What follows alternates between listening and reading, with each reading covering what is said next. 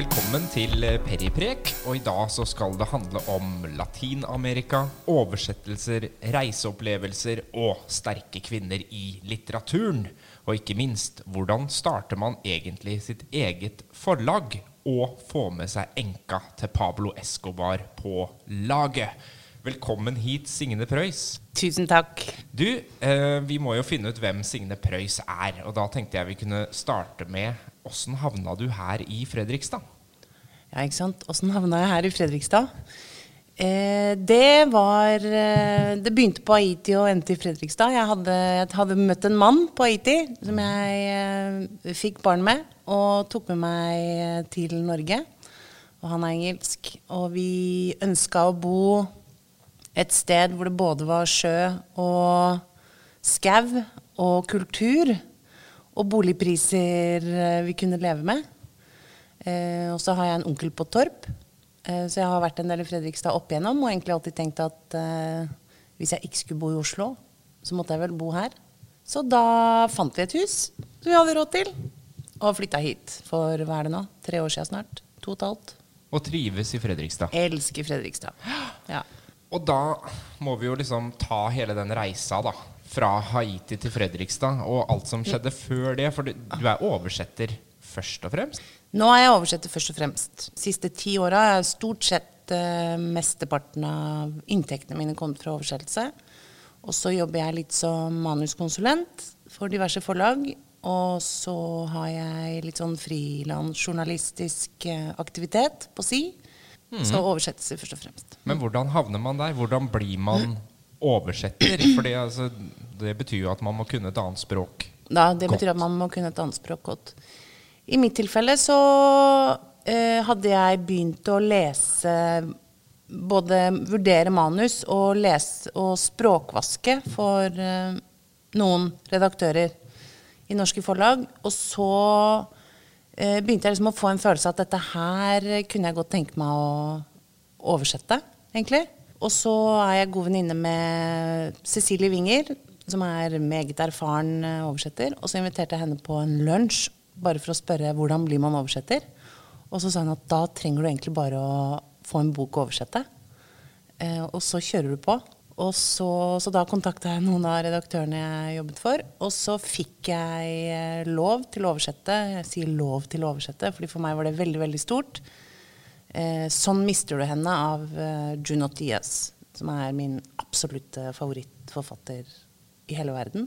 Så det var starten. Og da, og da blir man jo oversetter, da. Ja, ja. ja men, men du da, må jo kunne språket. Da må kunne språket, ja, ja Så hvordan lærer man språket? For i dette tilfellet så er det spansk. Ja, jeg oversetter nå stort sett fra spansk. Eh, nei, det var jo fordi jeg dro til Argentina som utvekslingsstudent da jeg var 17 og ferdig med første gym på Nissen i Oslo og reiste Da var vi faktisk fire jenter derfra som dro til Argentina et år.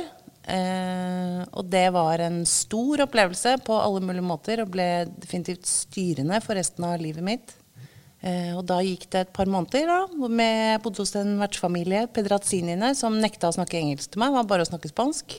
Og så har jeg vel kanskje litt språkøre, da. Og så, så da satt jeg. Så det er jo nå snart 30 år sia. Og da lærte du deg spansk? Da lærte jeg meg spansk. Og så kommer jo litteraturen på et eller annet uh, vis inn i det her òg, da. Ja. ja. Litteraturen har liksom kommet, um, kommet litt og litt. Utgangspunktet mitt var kanskje mer sånn uh, aktivistisk og journalistisk da, til å begynne med. Jeg var aktiv i Amnesty i mange år og redaktør for ungdomsbladet deres Herr President. Og skrev mye for Amnesty Nytt i en periode. Og så har det liksom, Men det var jo fordi jeg begynte å jobbe for forlagene. da, At jeg fikk liksom oppdrag med språkvaske og, og sånn. Så at forlagsverden ble en større og større innflytelse i mm. livet mitt. Eh, og så har jeg alltid vært glad i å lese. Så kommer det til det der stadiet hvor man bare tenker at eh, her er det så mye som blir skrevet, og det er så viktige, store saker som blir skrevet om, og hvorfor, hvorfor blir det ikke utgitt? Men, men husker du altså som utvekslingsstudent at du leste litteratur fra f.eks. Argentina, da, ja. da du var der? Da, jeg, nei, men det jeg husker godt, er at jeg leste at da jeg hadde lært meg spansk, så begynte jeg å lese latinamerikanske forfattere som jeg hadde vært veldig glad i på norsk. og opplevelsen av hvor annerledes eh, originalen var, da. Så det husket jeg, sånn klart bilde jeg har, at jeg leste Garcia Marcus, og jeg leste eh, Allende, leste Eduardo Galliano og sånn, som jeg hadde lest på norsk, og bare så hvor forskjellig det var på originalen. Så det var jo et eh, frempek, kanskje. Mm. Ja. Men når du var ferdig med å være utvekslingsstudent, hadde du den der følelsen at jeg skal tilbake med en gang? Ja, helt definitivt. Det, det året i Argentina var eh, Det var liksom Ja. Det, det er det største jeg har opplevd, tror jeg, noen gang. Bortsett fra for barn, kanskje. Eh, både i forhold til eh, menneskene som kom inn i livet mitt da. Den vertsfamilien har jeg fortsatt nær kontakt med. Eh, venner jeg fikk da, som jeg har nær kontakt med. Eh, komme til et land med erfaringer av typen Argentina har fra diktatur og eh, statsvold og forsvinninger og sånn. Jeg har venninner som fedrene deres ble forsvunnet da de var små, sånn at de liksom, driver fortsatt og kjemper deres saker for å finne dem og identifisere dem og sånn. Eh, Falklandskrigen. Liksom, venninne. Jeg bodde helt på sydtuppen av Argentina, og venninner, venner som hadde eh, måttet gjemme seg under pulten i, i, i timene, liksom, fordi det kom bombealarm, fordi det lå rett inn på fastlandet fra Falklandsøyene. Eh, ja? Det er jo ting som Jeg hadde, jeg hadde jo ikke noe begrep om sånt. Jeg hadde ikke noe, ikke sant? Vi er jo ikke i nærheten her eh, å oppleve noe sånt. Så det var sterkt, da. Det. Og så språket, da, selvfølgelig. Å lære seg et språk, å være i verden på et helt annet språk, er jo en eh, kul greie. Og så lære seg kulturen, Ja. kanskje. For Ja. det, er jo, det er vel kanskje det man gjør når man bor der over lengre tid. Ja. Eh, og som man som turist på en måte går glipp av. Da får man en sånn lite innblikk. Ja. Eh, men det å bo der Jeg har jo aldri vært i det området i det hele tatt. Nei. Altså San Diego er nærmest jeg har vært eh, kontinentet. Så det er jo sikkert veldig overraskende for deg, eh, for du har reist mye rundt.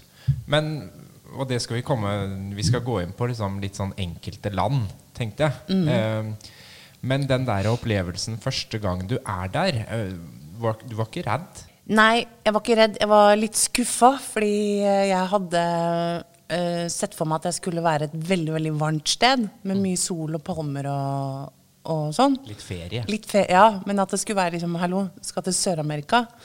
Og så varte og rakk det før jeg fikk tildelt en vertsfamilie, da. Og vi skulle reise i juli, var det vel. Og det kom ikke det brevet. Og så kom, venta, venta, venta. Og så bare et par-tre uker før vi skulle dra, så fikk jeg brevet da med familien Pedrazzini i Rio Gachegos i Argentina. Så jeg begynte selvfølgelig øverst på kartet, da. Og jobba meg nedover. Og nedover og nedover og nedover. og nedover. Så da jeg kom dit, så var det vel minus ti grader og brøytekanter, og i tillegg til de pampas, eh, nei, australvindene som blåser der, opp der rett fra Sydpolen. Så det var jo det kaldeste jeg har vært, kanskje noen gang. Men eh, likevel. Jeg fikk reist mye da. Så eh, nei, jeg var ikke redd. Jeg var ikke det. Nei, men å dra til et land og et kontinent med så mye eh, altså voldelig historie, da. For, Ja. for det er jo det veldig mange av oss her i Norge forbinder med kontinentet. Ja. Al altså diktatur, vold, bortførelser. Eh, at du kan bli rana hvis du stikker huet ut, og, og folk ser jo at du ikke er derfra. Mm. Eh, opplevde du noe sånt? Nei, heldigvis ikke å banke bordet, han har sagt. Argentina er jo eh, Nå er det blitt eh, verre fordi forskjellene har blitt større og fattigdommen har økt. Eh, til forskjell fra da jeg var der på 90-tallet, hvor Argentina liksom var litt sånn rik da, i latinamerikansk sammenheng. Men, men det er klart, Latin-Amerika har ekstremt voldelig historie. Men i størst grad så har det gått utover de som er derfra. Mm. Jeg har aldri følt meg utrygg. Eh, Jeg har, nå kan det godt hende at jeg Det skal mye til for at jeg føler meg utrygg, men jeg kan ikke huske at jeg har følt meg liksom redd i noe særlig grad i det hele tatt. Noe noen av de stedene jeg har vært um, i Latin-Amerika. Og det Men det hjelper Ja. kanskje å kunne språket? det, at, at ja, det, en ikke sant. Så Ja. det er jo en stor fordel, da. Da er det lettere å ikke sant? Du kommuniserer, og du leser. Du kan liksom lese tegn på en annen måte. Og, ja. Og så er det jo klart, ikke sant. Du er i Buenos Aires, så er det områder i Buenos Aires man bare ikke går Mm. eh, som utlending. Hvor man kanskje ikke går som eh, lokal heller, etter visse tider på døgnet og sånn. På Haiti også er det jo liksom steder hvor man kanskje kan droppe å eh, spankulere rundt når man er hvit og, eh, eh, og ikke tilhører stedet. Ja. Men generelt, vil jeg si, bortsett fra Nå har ikke jeg vært i Mellom-Amerika, da, men jeg tror at eh, land som Guatemala og El Salvador og, og Nicaragua og Honduras og sånn, er eh, Det er farlig. Det er sånn, da, da utsetter du deg for fare i mange situasjoner. Mens Argentina, Chile, Uruguay, liksom den sørlige, sørlige delen av kontinentet, og også liksom storparten av Karibia, vil jeg tro, vil jeg si. Mm. Men er det, er, det, er det gjestfrie folk Ja, ja. måte, i alle disse landene? Nå kjenner jo ikke jeg alle landene så godt, men jeg vil si at uh, de er jo det. Åpne, gjestfrie, hjelper deg, inviterer deg, interesserte. Uh, ja. Mm. For drar man til Spania og til Nord-Afrika f.eks., så går det jo litt sport i å lure Ja. turistene. Ja. Altså, Klarer vi å få noen til å betale 200 kroner for noe som koster 5 kroner? Ja. Ikke sant? Er det mye sånt? Ikke de stedene jeg har vært, men det er klart at jeg har jo vært lite på sånn turist-turiststeder. Sånn at eh, I Dominikansk for eksempel, er det områder hvor du blir skikkelig høsla.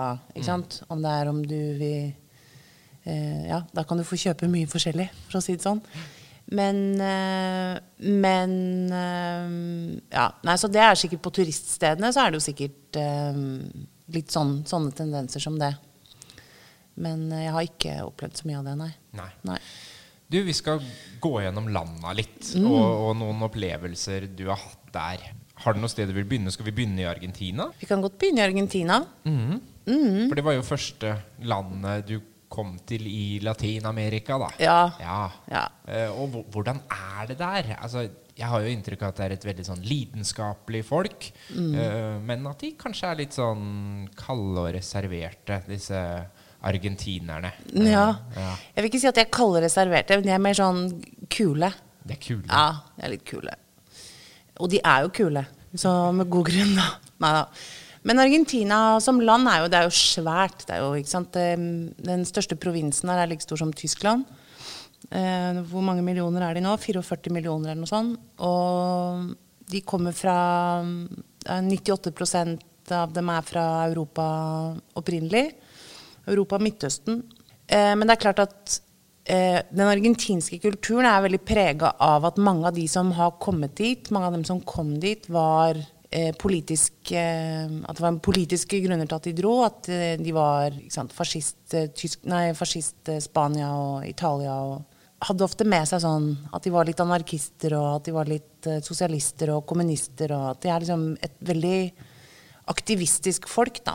Ja, og en litt sånn rar smeltediger med veldig mange retninger, da. Mm. Ja. Eh, For etter krigen så har det jo liksom rykte på seg for å være landet som tok imot eh, alle nazistene. Alle nazistene. Perón eh, likte, var nok fascinert av sine åndsbrødre i Latin-Amerika, men han var jo, nei, i Europa. Men han var jo først og fremst Han var vel ikke nazist og fascist kanskje nødvendigvis, men han var jo ja, ikke sant, Nå skal jeg passe meg for å si ting jeg ikke kan, si- kan helt. Men han eh, åpna dørene ja, for, tyskerne, for de tyske nazistene etter krigen. Mm. Men samtidig så er jo Buenos Aires den nest største jødiske eh, befolkninga i hele verden, etter New York. Og så har de en kjempestor befolkning som de kaller syrio-libanes, hvor de slår sammen syrere og libanesere, men som, som er en kombinasjon da, av eh, Midtøsten. Ganske stor innvandring derfra, som, og hele Latin-Amerika.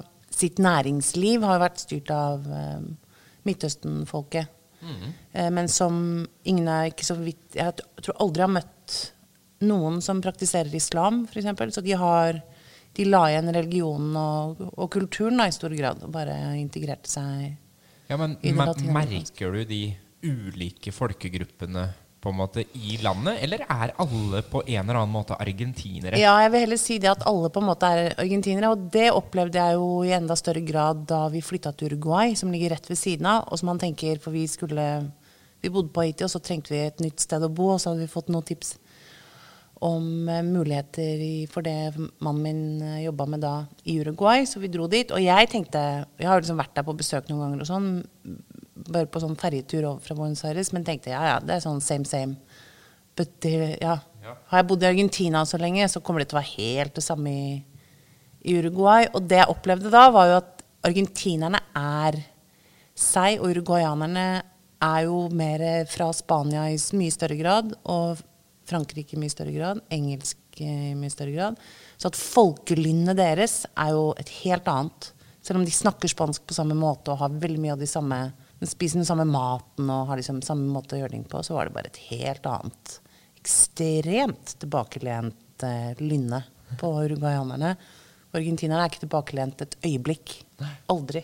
Uansett. Nei, jo, men hvordan er det å liksom bo der og ja, Både bo der og feriere der i Argentina? Altså, hva, hva ville du anbefalt? Hva, hva er dine gode opplevelser? Ja, da er det Man må bli invitert på en asado, en sånn søndagsgrillsession. Og, da, og det må man bare få gjort. Og det er hjemme hos noen Ja, det er private? hos noen. Ja, det Ja. må man prøve å få til. Eh, fordi da set, kjører grill asador, grillmesteren kjører Da begynner å lage kull på formiddagen, kanskje. Da lager man fra scratch, og så er det De griller alt. De griller Det er chorizo og blodpølse og brissel og tynntarm og altså det beste på på kjøttet, og det er bare Det varer og det varer og det varer. Han kommer med mer og mer kjøtt, og det er kanskje litt salat, kanskje litt salat, kanskje litt tomat, og vin og brød. Masse og that's it. Og det varer hele dagen. Og det ser Det er sånn skikkelig herja etterpå. Og, du har og har, altså, ja, du, jeg tror gjennomsnittsargentineren spiser hva er det da? Noe sånn 85 kilo rødt kjøtt i året. Ja, for de ligger på verdenstoppen. Ja, de ligger på verdenstoppen. Ja. Eh, og det er jo så godt. Så en asado, en skikkelig asado med masse Malbec-vin til, eller loka, det lokale ølet er også veldig godt til asado, det er et must. Det må man. Mm.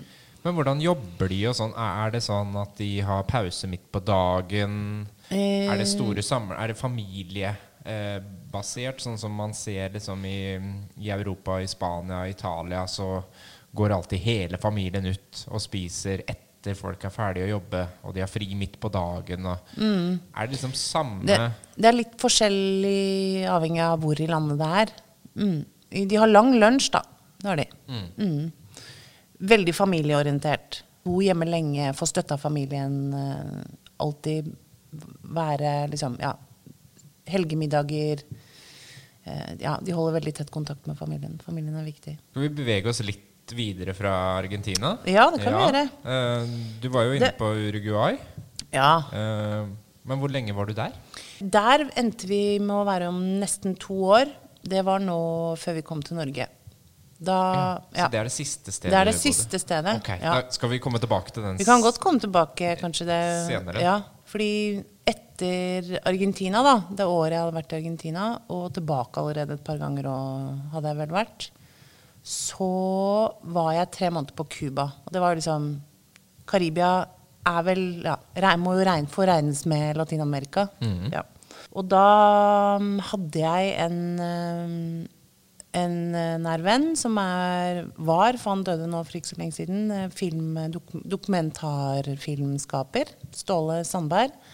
Og han, hadde, han var litt sånn hotshot på den tida, for han hadde lagd en veldig kul dokumentarfilm om zapatistene i Mexico.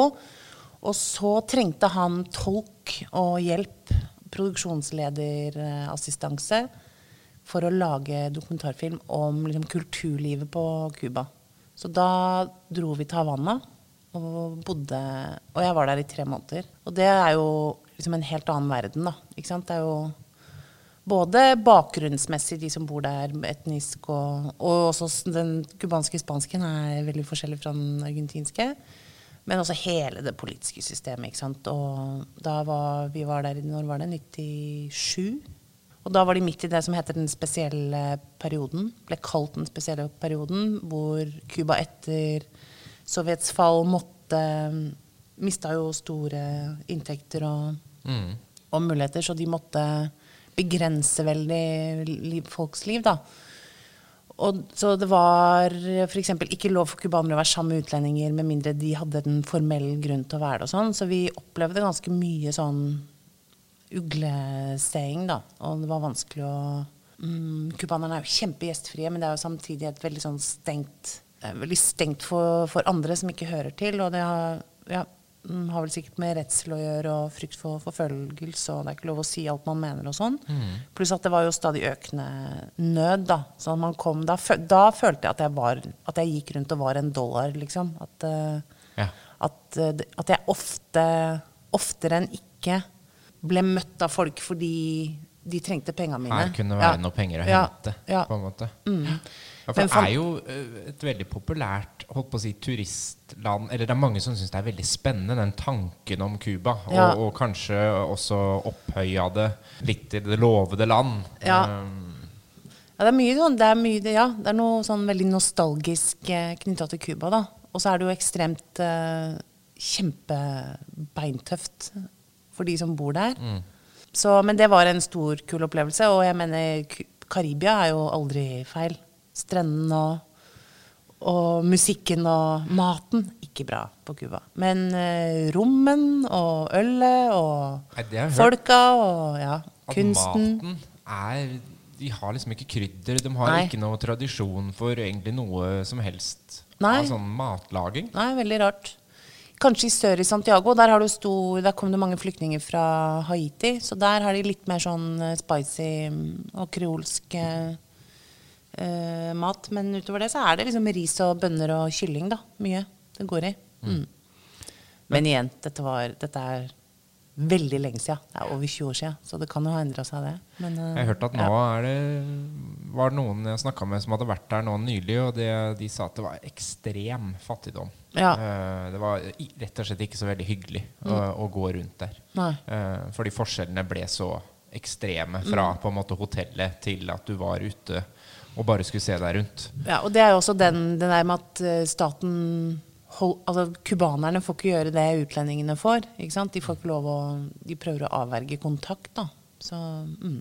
Men det var tre måneder på, på Cuba Ja, med på et eh, dokumentarfilmoppdrag, Ja. som jo i seg sjøl er kjempespennende. Ja, så det ble en fin film, det, altså. Det ble det. Går det an å få sett den, eller? Ja, det tror jeg den ligger et eller annet. Den ble kalt Havanna Libre. Og han eh, Ståle Sandberg lagde den Så den kom vel ut sånn tidlig 2000-tallet, tenker jeg.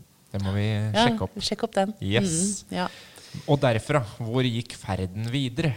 Ja, da, da ferden fortsatte jo tilbake til Argentina med jevne mellomrom. Men da, noen år etter det, så fikk jeg jobb i Kirkens Nødhjelp. Og der ble jeg kjent med Fredrikstad-helten Petter Skauen. eh, Som involverte meg i eh, arbeidet han Altså Kirkens Nødhjelp og UD drev slags, et slags forsøk på å forsone Jeg forsto liksom aldri helt eh, det, men det er jo en annen, en annen sak. Eh, veldig sånn forsone haitianerne og dominikanerne, da, fordi de deler en øy, og så er det store, er det store konflikter mellom landene. Eh, så da ble jeg sendt over dit for å bli kjent med begge land, da. For å være med å koordinere disse samtalene som de hadde i Oslo, delegasjoner fra begge land. Og det var jo bare Herregud, liksom. Kom, komme det For det første to veldig veldig forskjellige land. Dominikanske er jo helt eh, De er jo helt eh, Dominikanerne er ja, Hva skal jeg kalle de? Nei, dominikanerne er helt nydelige og bare fullstendig dødsslitsomme hele tiden. De bråker og De er så glad, og de danser. Og det er, men det er bare sånn, Det er blir-. Det er fest 24 timer i døgnet. 24 timer i døgnet. Bachata og reggaeton går på full guffe. Og det er liksom Ja, det er høyt. Veldig ekstrovert. det er ikke Ekstremt ekstrovert. der. Nei, ikke. Eh, og mens Haiti er jo helt motsatt. Haiti er et uh, stille, fredsommelig, vakkert land. Mm, ja. Så da, ja, så da drev vi med det, og hadde fred og forsoning eh, med de i Norge. Og det var jo kjempegøy, husker jeg en gang. Vi, eh, vi hadde hatt én sånn høring på Holmenkollen park, for det er jo UD, og det skal være på Holmenkollen park, liksom. Og så viste det seg at de der eh, haitianerne og dominikanerne, de syntes jo ikke det var noe gøy å sitte oppå, oppe i åsen der. De ville jo på byen og se og gå på museum og rusle i gaten og sånn. Så neste høring arrangerte vi på Savoy da, i sentrum. Og da var det sånn at vi måtte gå ut og spise hver kveld, for de hadde ikke restaurant. Og så var det en kveld eh, de lurte på om Da var det sånn Nei, Signe, nå eh, ta oss med der hvor du går for å drikke øl. Vi går og tar en øl der hvor du pleier å gå og drikke øl. Bare, og jeg er jo last train-hua, har alltid vært det. Så da var det sånn, er dere sikre på det? Det var de helt sikre på. Så da toger jeg inn der med en sånn herre gjeng karibere, og det var kaldt, så de hadde jo lure, og de holdt på å fryse i hjel. Og inn der med Caetano, som sto i baren, eh, en fyr fra Kanariøyene. Og bare Det er jo no requests på Last Train, men han var i hvert fall no request, det var ikke snakk om. Og de ble så glad i å være der at det var sånn de neste dagene. Og vi sitter og har møter, og hvor er liksom Sibilio og folk? Vet du hvor de er? Bare eh, Kanskje jeg vet hvor de er, ja. Og så løper jeg ned, og da sitter liksom de og pilser på Last Train med Sibilio som spiller liksom merengue og greier. Det var Ja. Så det ble ikke noe fred og forsoning på mellom Haiti og dominikanske. Men El ultimo tren, som de kalte det, ble Ja, de snakker fortsatt om det, de jeg treffer. Elska det. Last Train var stedet. Mm, og da satt jo haitianere og dominikanere der og, og forbrødret seg Så en Så- gruppe, så en liten har du liksom klart Ja. å knytte sammen. ja. De vil alltid ha last train. det, De vil alltid ha Last Train. Ja, ja. Men i det arbeidet ble det da liksom Guatemala, Honduras Nei. og sånn Nei. òg? Nei. nei. Der var For ikke Pet, du. han jobba vel ikke da så mye med det lenger, nei. Nei, Men etter at eh, kontrakten min, eller det vikariatet jeg hadde da, gikk ut, så ble jeg eh, engasjert av Kunstnernes hus og litt sånn Erling Borgen og sånn til å lage en stor utstilling med kunst fra Haiti og Dominikansk republikk, som var liksom i sånn samme forbrødring og forsoningstankegangen da, på Kunstnernes hus i Oslo. Så da ble jeg sendt over igjen for å finne kunstnerne. Så da fant jeg masse kunstnere. Fantastiske folk. Og det ble en kjempekul, stor, fin utstilling. Og de ble veldig gode venner av meg, veldig mange av de kunstnerne. Så særlig på Haiti, da. Så da har jeg fortsatt å reise tilbake dit mye. Og bodde, eh, bodde på Haiti i ganske lange perioder. Mm. Haiti og kunst er liksom Det går hånd Hva, i hånd. hva slags kunst snakker vi om da? Da snakker vi mye maleri. Da snakker vi uh, skulpturer. Det er å lage skulpturer av eh, søppel, f.eks. Eller ja, skrapmetall og sånn. Men Også- Er de liksom innafor det abstrakte, eller er det veldig konkrete ting?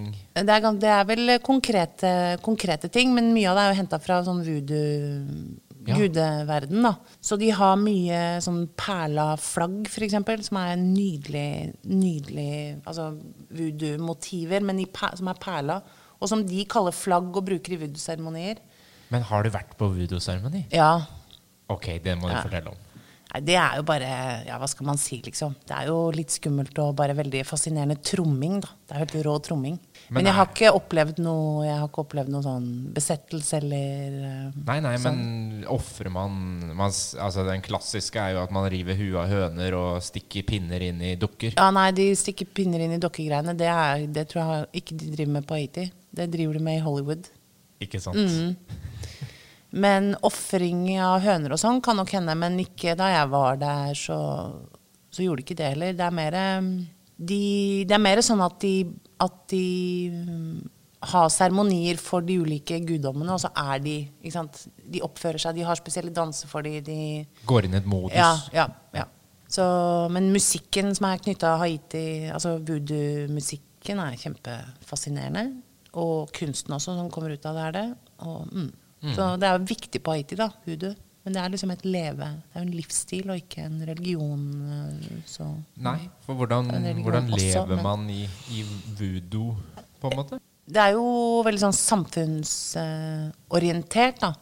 Så det er samf ditt lokalsamfunn som Laco. Altså man bor i Hele Haiti er liksom inndelt i etter voodoo Laco-struktur. sånn at du har små samfunn hvor, hvor man bestemmer eh, ting som er knytta til eiendom og Ah, arbeid. Og man både liksom gir og tar, da. Sånn at man har både rett, rettigheter og plikter, egentlig.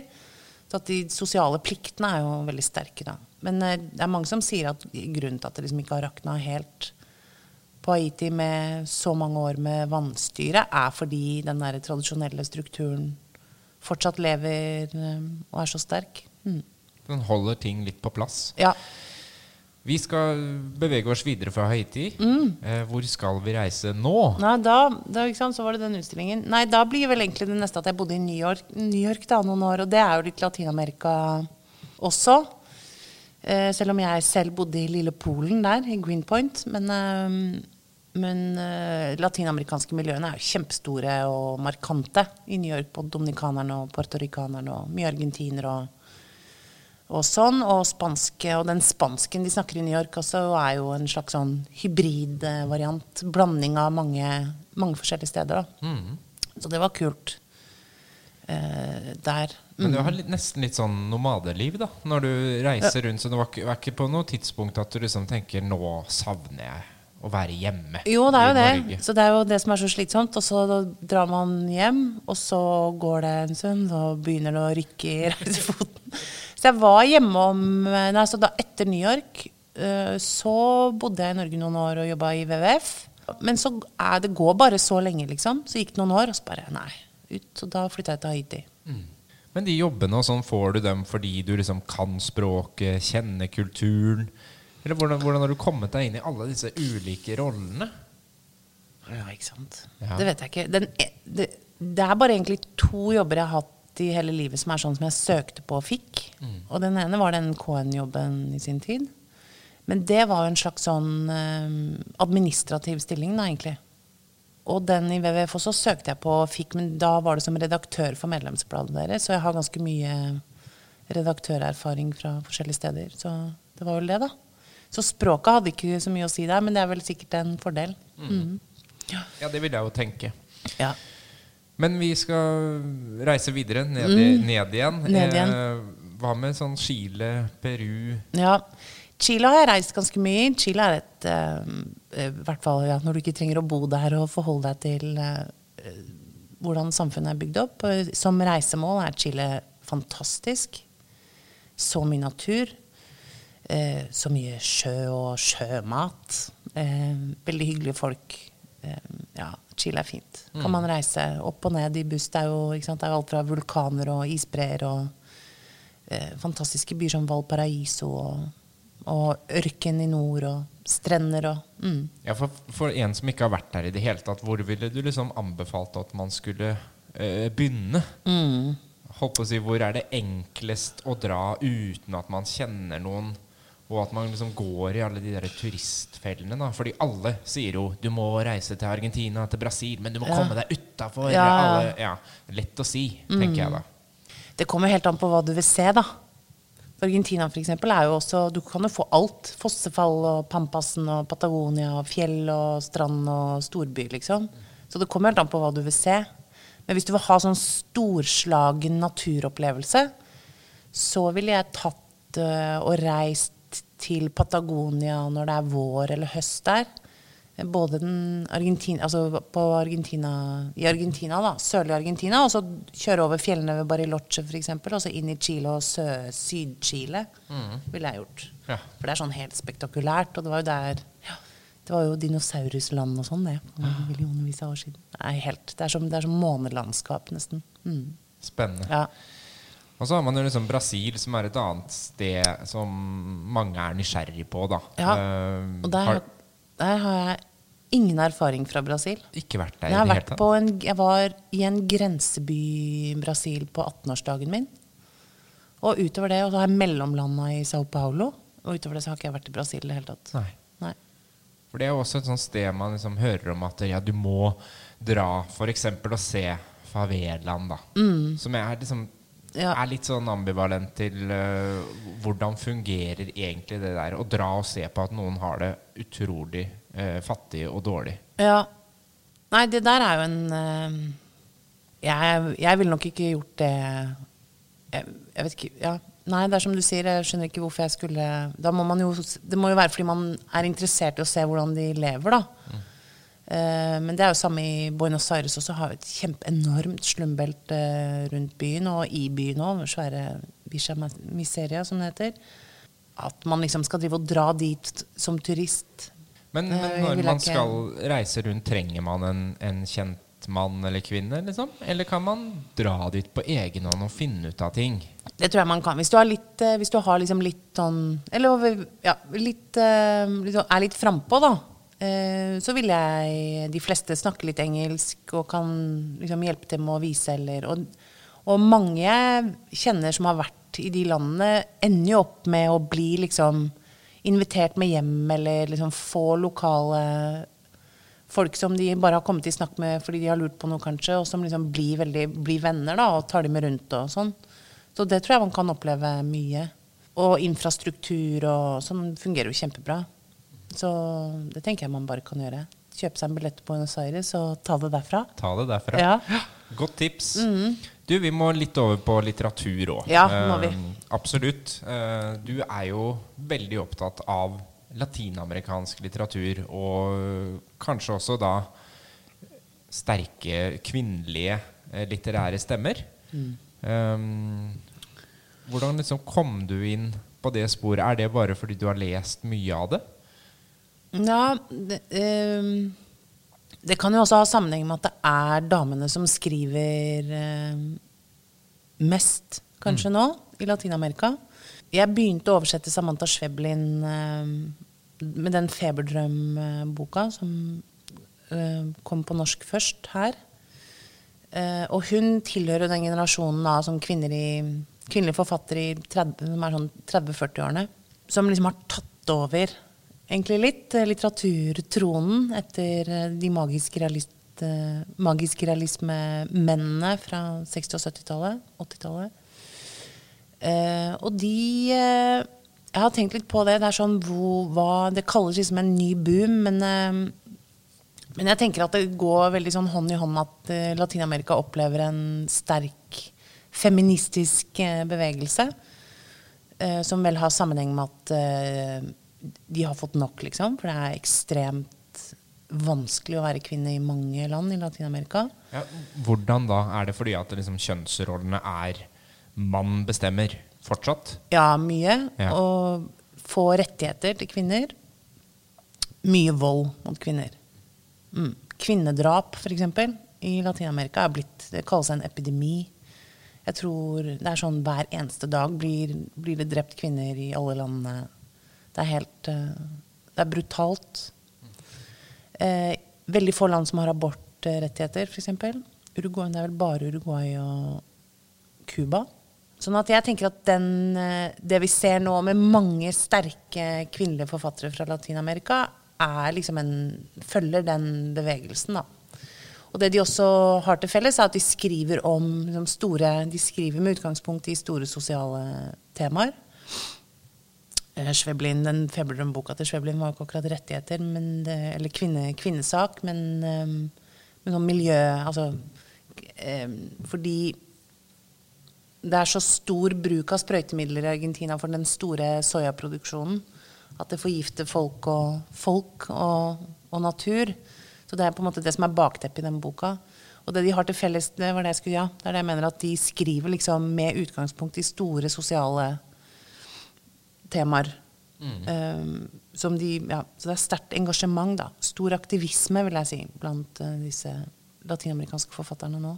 Ja, og du har jo kanskje vært litt sånn aktivist for å få det oversatt til norsk. Uh, for det er vel mange av de bøkene som du har uh, banka på døra til forlaga og sagt at 'kom igjen'. Ja, i hvert fall, eh, det er noen av de har jeg banka på, og så noen av de har jeg vurdert og, og liksom anbefalt. da. Mm. Som jeg oversetter jo også Rita Indiana fra Dominikanske republikk, og hun også er jo liksom helt uh, spesiell, uh, egentlig, og skriver om samme, skriver om liksom kjønnskultur og uh, ja, korrupsjon og eh, sosial ulikhet. Og, mm. Men leser vi holdt på å si mye latinamerikansk litteratur uten at vi har sånn bevisst forhold til det? Altså Fins det mye der ute som er oversatt, og som er tilgjengelig i bokhandlerne nå? Av latinamerikansk litteratur? Ja. Ikke veldig mye, nei. Eh, betydelig underrepresentert på Når man tenker på hvor stort eh, språk spansk, altså språkområdet spansk og portugisisk er, da, så er det oversettes til lite fra de landene. Samtidig som eh, det virker nå som at forlagene vil liksom ha sin latinamerikanske kvinnelige forfatter, da, sånn at eh, alle begynner å plukke opp hver sine. Mm, og det er jo kjempebra. Mm. Og det er bra mannlige forfattere òg. Men uh, det er liksom damene som dominerer enn så lenge. Mm. Vi nærmer oss at vi kommer inn på det du nå driver med, -hmm. som er å rett og slett starte opp et eget forlag. Yes. Ja. Uh. Camino. Camino Hva betyr det? Det betyr vei Vei. på spansk. Ja. Camino forlag eh, er i sin spede start. Helt spede start. Mhm. Ja, Veldig spennende. veldig spennende. Men hvordan, eh, hvordan gjør man det? Hvordan starter man et eget forlag med oversatt spansk litteratur? Ja, det, ikke, det skal ikke bare være spansk, da. Det skal være oversatt, oversatt litteratur fra hele verden. Fordi det jeg har lyst til å prøve å bidra mer inn i bokverden med her, er flere bøker skrevet andre steder i verden for å ja, vise vei, da. Til eh, La bøkene vise vei til en slags større forståelse for hvordan folk lever og, og har det, og, og finner løsninger andre steder Få enn her. Nye, Ja, Noen litt nye perspektiver og en litt videre horisont, kanskje. Ja. Mm. Og da har du jo møtt på en dame. Da har jeg møtt på en dame som, eh, som gjorde det mulig. Eh, Jeg har oversatt bøkene til eh, sønnen til Pablo Escobar, eh, begge to. Og så var jeg i Argentina for ja, dette med årene. Jeg, kanskje jeg begynner å bli gammel, men jeg klarer ikke å skille. Noen år er det ett, ja, noen år siden? Ja. Er det to? Er det tre? Jeg vet ikke. Men jeg i hvert fall var i Buenos Aires da, og så sendte jeg ham en melding og sa at jeg var der, fordi de bor jo der hele familien. Og vi skulle ta en kaffe. Og da hadde jeg nettopp lest boka som moren hans eh, har skrevet. Og den eh, hadde grepet meg da, fordi hun har jo Det er jo 25 år siden han døde, Pablo Escobar. Og hun har ikke uttalt seg og fortalt noe i det hele tatt. Annet enn liksom ting hun har fortalt sønnen, da, som han har i sine bøker. Og ble ganske grepet av den boka, fordi det er jo en bok om et eh, tvangsforhold som starta da hun var tolv. Eh, og han formet henne til sin kone og holdt den i grunnen eh, avsondret fra, fra verden for øvrig. Og samtidig som hun jo levde store, en lang periode i liksom ordentlig sånn sus og dus og luksus, eh, hvor hun kunne liksom bruke millioner av eh, dollar på kunst og sånn. Men så levde de jo også De måtte jo gjemme seg og lå i skjul, og var, det var en sånn stor frykt. Og du leser jo Du kan jo Du, du kjenner jo hvor traumatisert hun er, da, som en konsekvens av det. Og så har hun da, etter 25 år, sagt at vet du hva, jeg må bare, nå har jeg gått rundt og ikke liksom, Folk ser meg ikke og hører meg ikke. ikke sant? Jeg har aldri gjort det nå disse, etter at han døde. Så nå vil jeg ha igjen min, min stemme. Så har hun fortalt den historien. Da, men i hvert fall så svarte han at uh, jeg er i Mexico. Men moren min er her. Hun må du treffe. Hun har også skrevet en bok. Så at den har jeg lest, men jeg vil gjerne treffe henne. Så da møttes vi en morgen og spiste frokost sammen i Buenos Aires. Og det var eh, Fikk veldig, veldig god kontakt med en gang.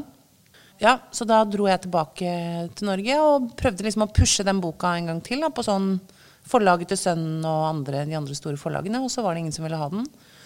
Og da hadde jeg en periode lekt litt med denne tanken på å liksom starte noe sjøl, for fordi jeg mener at det er eh, så mye som skrives om viktige temaer, og som kan bidra til en økt forståelse for verden, men som ikke liksom gis ut eh, i Norge, av eh, sikkert forskjellige grunner, det. Men da er det jo bare enklere å gjøre det sjøl. Så da jeg nevnte det for henne, så sa hun bare Da må du ut i boka mi. Og så tenkte jeg OK, da, men da gjør vi det, da. Ja. Det er veldig gøy. Ja, så da, nå kommer den i juni. Hun skulle komme også, sammen med boka, men hun sitter i karantene i Argentina, og de har stengte grenser til september. Ja. Så vi tar boka ut først, og så kan hun heller komme når hun får lov. ja, for forlaget har ikke stoppa opp selv om vi nå er i en koronatid. Nei, Nei. forlaget har egentlig brukt tiden til å, å samle opp flere bøker. Eh, vi jobber med en veldig kul Nå sier jeg vi, for jeg har kommet i kontakt med flere veldig sånn engasjerte latinamerikanister som tilhører litt sånn ulike eh, miljøer i Norge, akademia og journalister og sånn. Så vi driver og jobber fram en sakprosaserie med latinamerikansk sakprosa. Og vi har fått Garcia Marquez, en nydelig samling eh, journalistiske tekster. Han skrev over en 30-årsperiode. For han var egentlig journalist og mente det var det beste yrket i verden. Eh, ja, så har vi kjøpt en del andre veldig, veldig fine kjøpt en del andre veldig, veldig fine bøker. Så det skal liksom komme fortløpende utover høsten.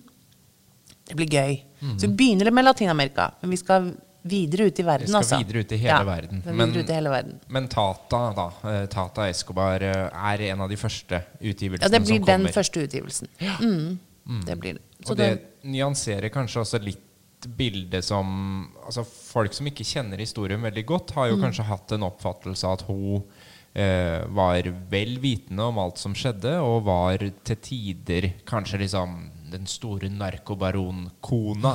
I Netflix-serien så blir hun jo på en måte um, framstilt som en ja, Kall det medsammensvoren, da, som mm. hele tida visste hva som foregikk. Eh, hvordan er hun liksom som person? Hvordan er det å møte Tata? Hun er eh, ekstremt mild og snill og varm og omtenksom. Mm. Inspirerende. Hun jobber jo også som coach. Så hun er veldig sånn Gir masse komplimenter og er veldig sånn eh, Sier sånne oppbyggende ting, da.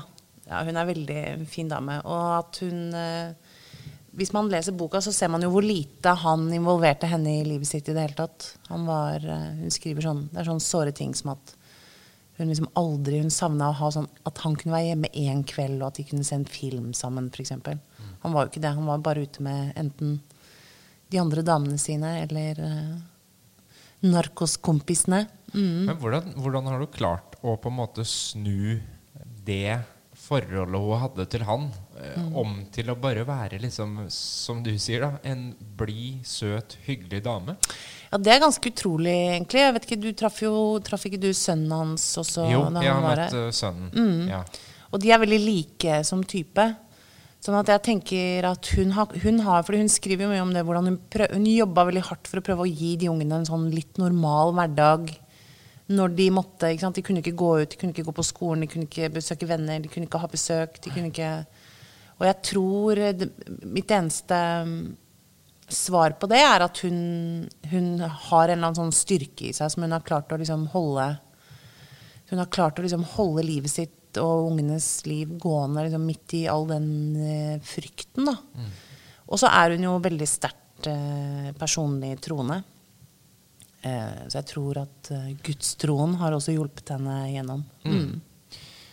Men hva er det som gjør at uh, sønnen kan gi ut en, uh, to bøker nå mm. som er bestselgende over uh, hele verden, og alle vil høre han fortelle mm. om hvordan det er å være sønnen til Pablo Escobar? Ja. og så er det så uh, tilsynelatende vanskelig å få mammaen, altså kona mm. til Pablo Escobar, ut. Er det fordi hun er kvinne? Jeg vet ikke. Det må, kan du jo spørre noen av de andre redaktøren i Norge om. Jeg, jeg forstår ikke det. Den har solgt uh, Den selger som bare det, de landene den kommer ut. Jeg tror uh, Jeg vet ikke. Jeg har ikke noe svar på det. Jeg, jeg, har lyst, ja, jeg, har jo ikke lyst til å si ja, men jeg tror jo kanskje det er det som er, det er, er en sånn Ja. Og så litt den derre øh, hun har jo den, Hun får ganske mye kritikk i Colombia, da. Ikke sant? Og da folk er sånn Og du liksom levde i sus og dus, og så nå og så nå kommer du liksom og kaller deg et offer. Mm. Eh, og, det, og, og, og, det svarer hun gjerne på, da. Ikke sant? At hun ja, og Ved å fortelle den historien. Hun var et barn, liksom, da han, mm. da han eh, la sine øyne på henne. Og hun visste ikke Hun visste ikke Hun kunne jo ikke noe annet liv. Ikke sant? Og dessuten var ikke bare en mann å gå fra, kanskje heller, når man så hva han gjorde med andre Nei. som trosset ham. Og man hadde kanskje ikke så mye valg og, med å Altså, da han valgte henne, Nei. så hadde man kanskje ikke så mye man skulle Nei. si på det. Så denne boka kommer med et essay som er skrevet av Britt Schumann, som har jobba mye med kvinner i konflikt i Colombia, som på en måte setter den kjønnsrollekulturen forteller om den, da, for å sette historien hennes i en, i en sånn sammenheng også. Mm. Jeg tror nok kvinner, særlig på hennes alder, de vokste jo opp um, og lærte at de skulle følge mannen sin, på godt og vondt. Mm. Uh, ikke stille spørsmål, gjøre seg fin for ham, Uh, takle sant, utroskap. Uh, hadde jo ikke noe Stelle huset, passe familien. Veldig få kvinner som jobba, f.eks. Så hun hadde jo heller ikke noe Hun hadde jo liksom ikke noe å falle tilbake på heller, da. Nei. Men alle de tinga, det kommer det på en måte kanskje en liten reaksjon på nå i de nye kvinnestemmene som du har vært innpå, da, i latinamerikansk litteratur? Ja. Kvinner som skriver om ikke sant? Det er sånn kvinneforfattere som, som kan problematisere morskap, f.eks. Det har aldri Det er sånn Utenkelig. ja. Man skal, ikke, man skal liksom ikke snakke om noe negativt med, med det å ha barn eller være mor. Eh, rokke ved sånne Den slags tabuer. Definitivt. Og de er ikke, ikke sant? Det er veldig tøffe, tøffe damer. De er liksom ikke noe redd, Virker ikke som de er noe redd for å tråkke ut i salaten, rett og slett. De, bare, de skriver om det de er opptatt av, da. Det er kult. Da må vi oppfordre alle til å lese det òg. Eh, når kommer Tata? Boka kommer nå i, helt i begynnelsen av juni. Det blir gøy. Da må vi se om vi kan For hun sitter jo der i leiligheten og zoomer og holder på med, med folk, så kanskje vi kan eh, Ja, kanskje norske lesere kan møte henne på nett. Digitalt til uh, Fredrikstad og Norge. Ja. Mm. Høres veldig spennende ut. ja, det blir spennende. Helt til slutt så skal du få um, gi din beste latinamerikanske opplevelse. Oi, oi, oi. Nå spør jeg vanskelig. Ja, Men hvis du skal vanskelig. plukke fram ett minne som sier noe om hvorfor du alltid har lyst til å dra tilbake til eh, Latin-Amerika. Er det sant? Å, det er så mye, Peri. Jeg vet ikke Det er bare f.eks. å diskutere Bare situasjon Sitte og diskutere ting man er opptatt av med latinamerikanere. Og gestikulere og yeah. Nei, det er bare det. Eller møte Argentin, sitte og drikke mate sammen. Dele mat, mate er vet, sånn te man drikker med stålsugerør. Sende rundt. Danse. Det er hele pakka. Spise. Det er hele pakka. Det er ikke én, det går ikke an. Men det er bare å være der. Snakke spansk, være der. Ja. Det er en, eh, det er et eh, Det er en bra del av verden. Mm. Tross alt. Jeg satser på å ta turen når eh, det blir mulig igjen.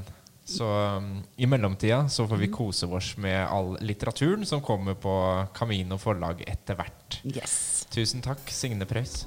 Takk selv.